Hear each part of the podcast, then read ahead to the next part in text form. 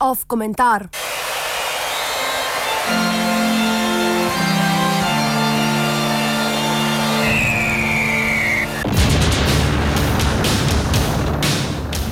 Ali SDS vstopa v koalicijo?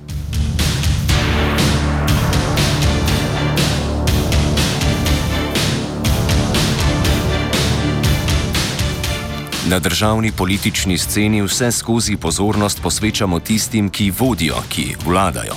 Le redko kdaj se ozremo na delovanje opozicije, pa čeprav leta ne malokrat bolj ali manj odkrito nakazuje svojo igro na slovenskem političnem plesišču.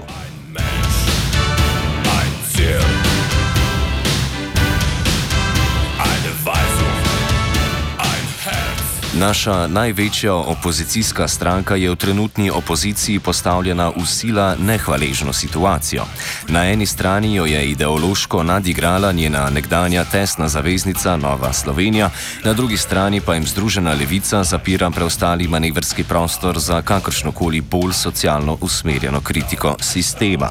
Da bi bila uh, kapa polna, je večina zmernejših konzervativcev, ki so bili vse do sedaj pregovorno dokaj trdna volilna baza, že na prejšnjih volitvah prestopila k drugim političnim opcijam.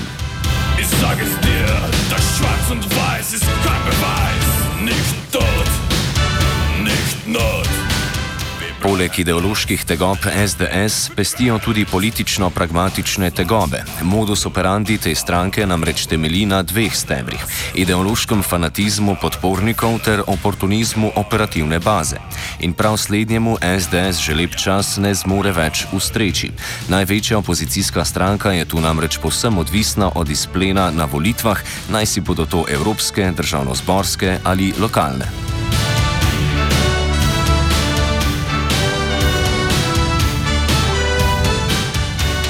Izguba deset tisočih oziroma sto tisočih voljivcev na državno-zborskih volitvah je SDS denimo prisilila, da je nekatere svoje neizvoljene kadre začela premeščati v lokalne odbore, kjer so se na to potegovali za županske stolčke. Čeprav si je s tem SDS res da zagotovila lojalnost svojega vodstvenega kadra oziroma vrha, pa je poteza povzročila nemalo odpora ter celo odstopov celotnih vodstev lokalnih odborov. S podobno dilemo lastne kadrovske kadrovske implozije je SDS soočena danes v državnem zboru. Vloga v opoziciji jo namreč postavlja v položaj, v katerem ne zmore poskrbeti za ambicije vseh svojih funkcionarjev. Die ganze Nacht feiern wir Einigung. A sočasno v SDS lahko vidijo luč na koncu predora. Če v opoziciji ždi stranka s prevelikim kadrovskim bazenom, ima največja koalicijska stranka velike težave pri zapolnjevanju mest, ki ji pripadajo. Največja koalicijska grupacija, stranka Mira Cerarja, namreč le s težavo sproti zapolnjuje vsa mesta, ki ji v skladu z razdelitvijo politične moči pripadajo. Prav zaradi tega že prihaja do bolj ali manj odkritih koketiranj obeh strank za morebiten skupen političen nastop v prihodnosti.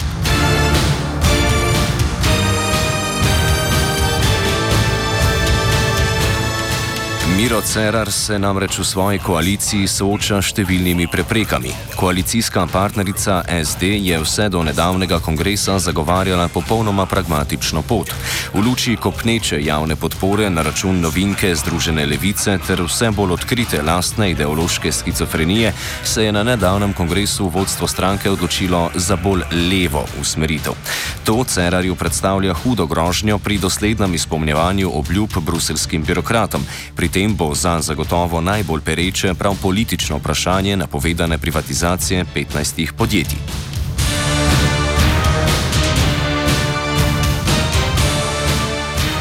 SDS se očitno zaveda omenjenih težav in tegob največje koalicijske stranke in vse bolj kaže, da je pri tem pripravljena tudi pomagati.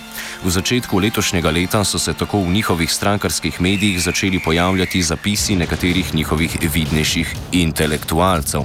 Janez Juhart, Žiga Turk in Dimitrij Rupel so vsi enoglasno v svojih publicističnih zapisih pozvali na tako imenovano politično narodno spravo obeh največjih parlamentarnih parlamentarnih strank.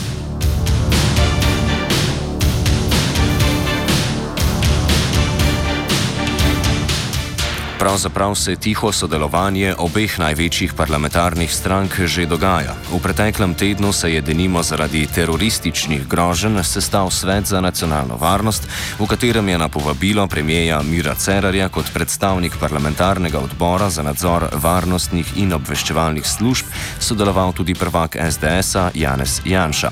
Kot protivslugo si Cerar najverjetneje lahko obeta lo lojalnost celotnega glasovalnega aparata SDS v državnem zboru.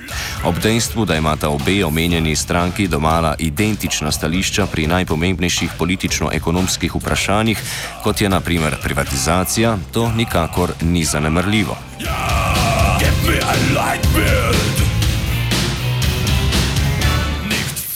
Največja opozicijska stranka je znana po svojem makiavelizmu, ki ga vsakodnevno udejanja v industrijskem obsegu. SDS niso tuje ne po neverbe zgodovinskih dokumentov, podpisov za referendume, prav tako ne snovanje teorij zarot, uporaba najbrutalnejših propagandnih tehnik in še bi lahko naštevali.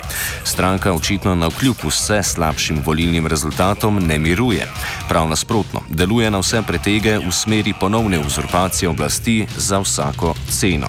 Oblast je namreč edini cilj SDS-a in njenega vodje, saj se le tako lahko ohranja njen ideološki raison d'être ter opor oportunistični perpetuum mobile.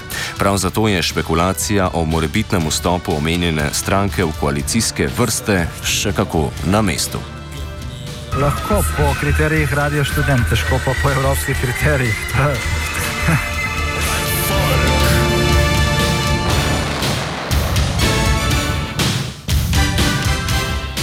Komentar je pripravil Martin.